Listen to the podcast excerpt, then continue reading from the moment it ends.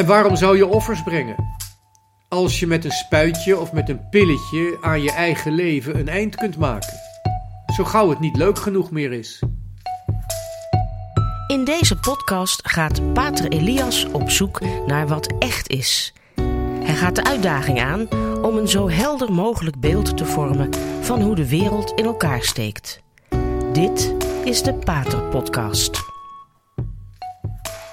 De wereld draait door en de Nederlandse politiek draait dol. Linksom of rechtsom, het maakt niet meer uit.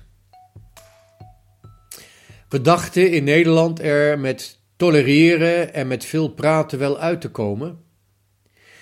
Maar het probleem is dat we zo tolerant zijn dat we eigenlijk niet meer weten wie wij zelf zijn. Wat moeten we tolereren en hoe willen we getolereerd worden? We weten niet meer wie we zelf zijn en daardoor zijn we niet alleen tolerant, maar eigenlijk ook heel rancuneus. En we zijn behoorlijk jaloers op andere culturen. Ook al weten we die jaloezie nog enigszins met goed fatsoen te sussen, door hele dure reizen te maken naar verre landen, waar mensen wel arm zijn, maar toch ook nog mooi zijn. En wat nog meer is, ze hebben nog een eigen identiteit. Aan die identiteit kunnen we ons dan vergapen, zoals onze voorouders dat in de dierentuin, in de dierentuin deden. En we komen als helden met foto's thuis, omdat we denken echt iets te hebben meegemaakt. Maar helaas, als we inderdaad thuiskomen, dan blijkt die thuisbasis voor ons, die thuisbasis voor toeristische avonturen en verre reizen, dat blijkt toch maar een heel klein plat landje te zijn. Buiten de veilige en fotogenieke toeristische oorden, oorden die we hebben bezocht, wordt de wereld steeds onbegrijpelijker en die wereld lijkt ook steeds gemener, steeds gewelddadiger, steeds barbaarser, alsof het ooit anders is geweest. In de polder vragen we ons af waarom maken de mensen toch oorlog over land, als je ook gewoon land kunt maken door wat water weg te pompen. En waarom zou je offers brengen? Als je met een spuitje of met een pilletje aan je eigen leven een eind kunt maken, zo gauw het niet leuk genoeg meer is. Het is het zogenaamde voltooide leven. Een van de stokpaardjes van de partij D66. De D staat voor de dood. Als je nergens voor hebt geleefd, omdat het leven uit het niets afkomstig is, iets toevalligs dat opkomt in het niets, als je nergens voor hebt geleefd omdat het leven uit het niets afkomstig is, waarom zou je dan niet het niets mogen kiezen? Het niets van de dood. Waarom zou je niet het niets mogen kiezen? Vrijer en zelfbewuster en authentieker kun je het niet maken. De dood kiezen betekent niets kiezen in de illusie dat je alles kiest. Ik vraag me altijd af waarom niet serieus wordt geprobeerd om de euthanasie deel uit te laten maken van onze ontwikkelingshulp. In arme landen en eigenlijk in de hele wereld is er geen gebrek aan ondraaglijk lijden. Waarom dragen we onze ideologie van het voltooide leven niet aan de hele wereld uit? Hoeveel mensen zouden we uit ons uit hun lijden kunnen helpen door de Nederlandse euthanasie toe te passen. We waren toch altijd een missieland? Waarom durven we de euthanasiemissie niet uit te dragen? Het evangelie van het voltooide leven. Niet meer het eeuwige leven, maar het voltooide leven. Het probleem is dat er een aantal dingen zijn die wij helemaal zijn vergeten. In onze cultuur, in onze samenleving. We hebben ons suf getolereerd, maar we zijn onze eigen identiteit wel behoorlijk kwijt. Althans, er is in ieder geval een erge verwarring over. We hebben het altijd over de vrijheid. Het probleem is alleen dat je vrijheid niet hebt. Je hebt er ontvangen. De vrijheid ontvangen we. En die hebben we ontvangen van anderen die daarvoor, voor die vrijheid, offers gebracht hebben. En je bewijst dat je vrijheid waardig bent door keuzes te maken en trouw te blijven aan die keuzes. Vrijheid heb je eerst door, je door haar te ontvangen. Je bevestigt haar door te kiezen. En je krijgt meer vrijheid door trouw te blijven. En dan die tolerantie. Tolerantie bestaat niet tenzij het een synoniem is voor respect. En respect heb je niet voor dingen of ideeën of meningen, maar respect heb je voor iemand die iemand is of iemand probeert te worden. En als je het niet krijgt, dat respect, dan dwing je het af. Een kwestie van eer. En om respect af te dwingen hoef je niet eens ruzie te zoeken. Beproevingen in dit leven, die komen vanzelf op je af. Als ze niet voor het oprapen liggen. En in de manier waarop je die beproevingen doorstaat, krijg je zelfrespect. En wanneer anderen het zien, krijg je ook een zekere eer. Het leven is nou eenmaal een strijd, een strijd van gevecht. Eigenlijk is het leven een gevecht van leven en dood. Een strijd, een gevecht om iemand te worden. En je wordt alleen iemand door iets door te geven dat groter is dan jezelf. Door een hogere waarheid te horen die je vertaalt en verkondigt in eigen woorden. Dat is een manier waarop je iemand wordt. Je wordt iemand door van een hemelrijkende boom een vrucht te eten en die te delen met anderen. Of door iets te zien dat je alleen kan aanwijzen door je leven ervoor te geven. Door gegeven te zijn aan wat je ziet bij je leven en misschien zelfs in je sterven. Wat is het toch een pech voor politici dat ons leven niet wordt bepaald door de politiek. En zelfs niet hun eigen leven. Hun eigen leven van de politici wordt ook niet bepaald door de politiek. In het verleden dachten machthebbers vaak dat ze hun identiteit ontleenden aan hun macht. En in van die enge, barbaarse, verre landen denken ze dat nog steeds, die machthebbers.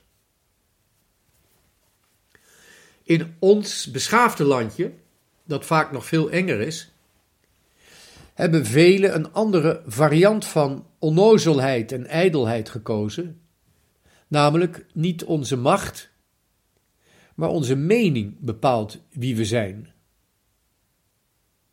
En helaas, een mening hebben, daar valt geen eer aan te behalen. Een mening, daar valt niets aan te respecteren. Hoogstens politiek correct aan te tolereren.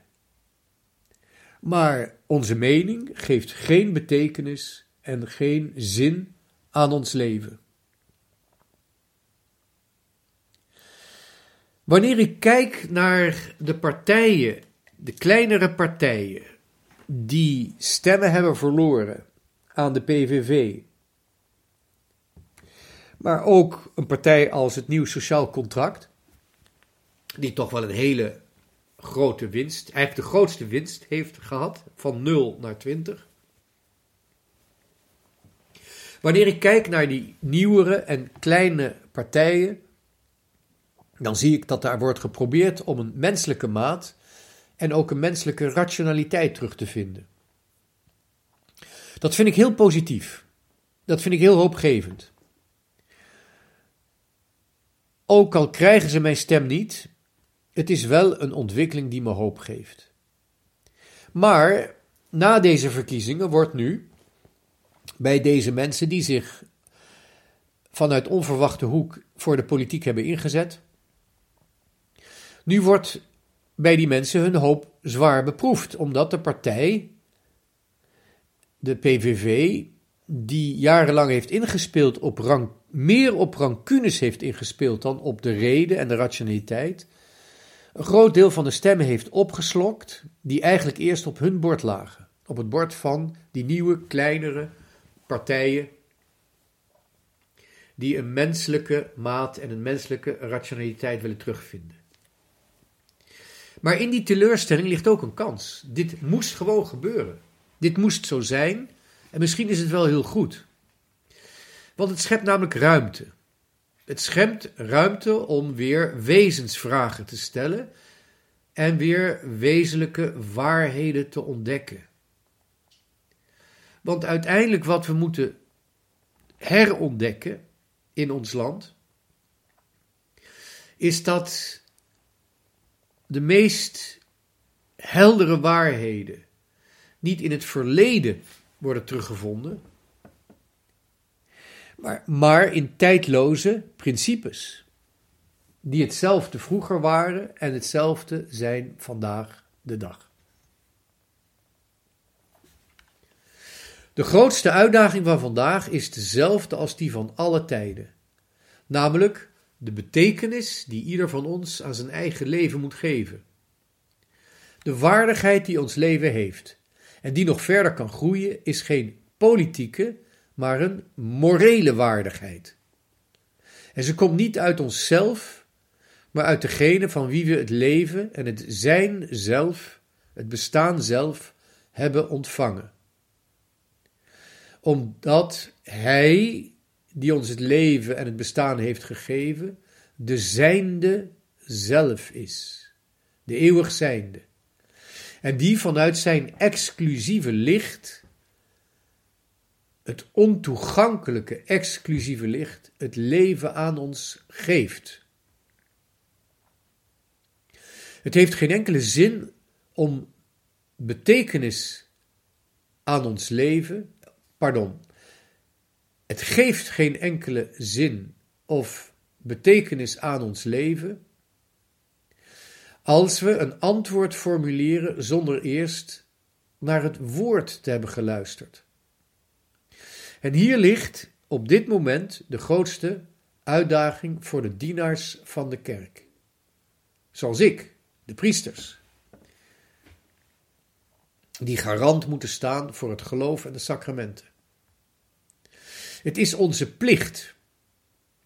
En als die niet wordt vervuld, wordt ons bestaan volstrekt irrelevant als zout dat zijn smaak verliest. En wat is onze plicht? Inderdaad, gewoon te herinneren aan die tijdloze principes en ze uit te leggen, ze te verduidelijken. Dat is de uitdaging, dat is de plicht. Wij, dienaars van de kerk, we hoeven geen bruggen meer te bouwen, want er zijn helemaal geen oevers meer. En oeverloos bruggen bouwen dat is niet echt de invulling van een roeping. Niemand wordt geroepen om oeverloos bruggen te bouwen. En we hoeven, we hoeven ook niet erop te wijzen hoe mooi de christelijke cultuur was, hoe mooi de christelijke samenleving was.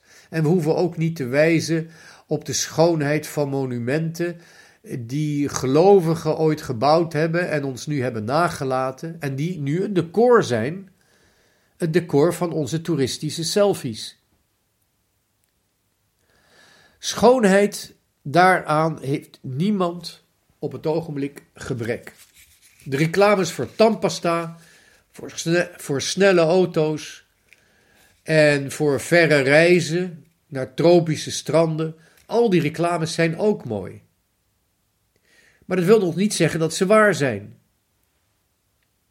De stap van de schoonheid naar de waarheid wordt vaak in de lelijkheid van beproevingen, in de duisternis van tunnels, wordt die stap gelegd. Van de schoonheid, die heel bedrieglijk kan zijn, naar de waarheid zelf, die nooit kan bedriegen.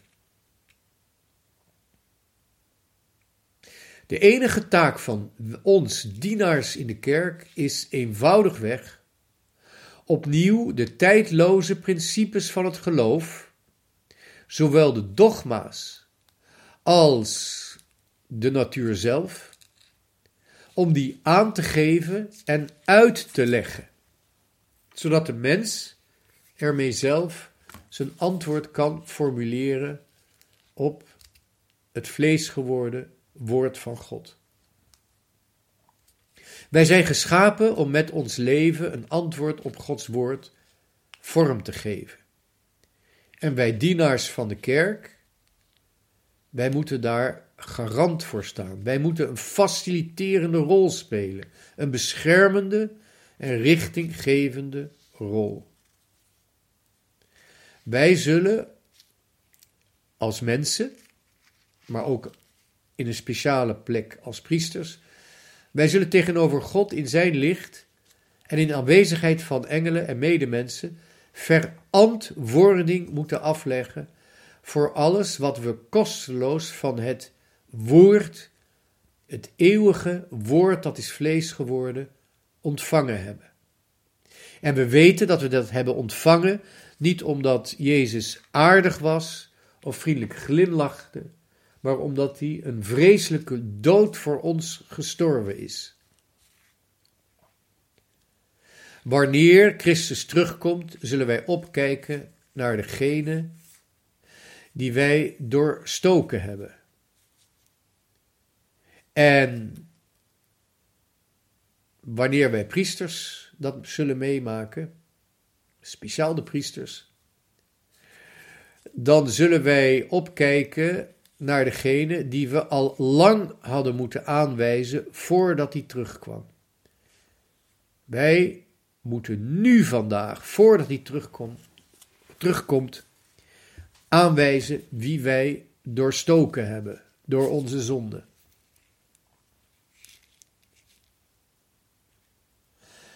Wij zijn geschapen om God te zien, wij allen.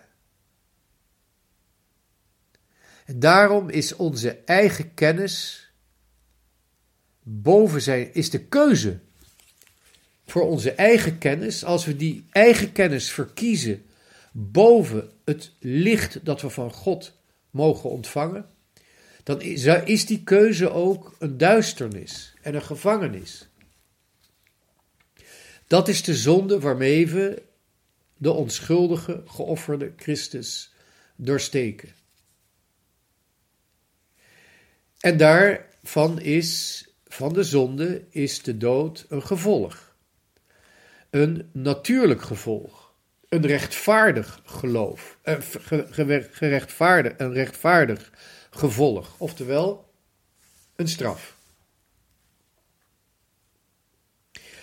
Maar God heeft van die straf een middel gemaakt. Hij heeft van de dood een middel gemaakt, een instrument, waarin hij samen met ons de prins van de duisternis, oftewel de duivel, kan verslaan. En dat kan hij alleen doen wanneer wij in, in, in die strijd, in die strijd tegen het kwaad, in die strijd voor de heiligheid, wanneer God een intieme, morele, liefhebbende, persoonlijke, individuele band kan aangaan. die band kan heel eenzaam zijn. Die band kan heel, die band, die relatie met God kan heel eenzaam en zijn en, en vol met beproevingen. Maar ze is altijd belangrijker dan wat voor politiek ook, wat voor gemeenschapszin er ook is, Allereerst moeten we intiem verbonden zijn met Christus. En voor ons dagelijks leven betekent dat ook dat ons leven met de naaste en met de God die wij mogen aanbidden, die wij kunnen aanbidden, dat dat leven belangrijker is dan wat voor politiek leven ook. Belangrijker dan onze meningen is ons vertrouwen, is ons geloof. En dat is misschien de stap die een heleboel van de mensen die een alternatief zoeken in de politiek, dat is misschien de, de stap die ze moeten maken. Het alternatief voor wat de gevestigde orde is vandaag de dag, die vind je niet binnen de gevestigde orde, die vind je niet in de politiek, die vind je in een persoonlijke zelfgave. Een zelfgave die het antwoord is op het gegeven woord van God. Bedankt voor het luisteren. Tot de volgende keer.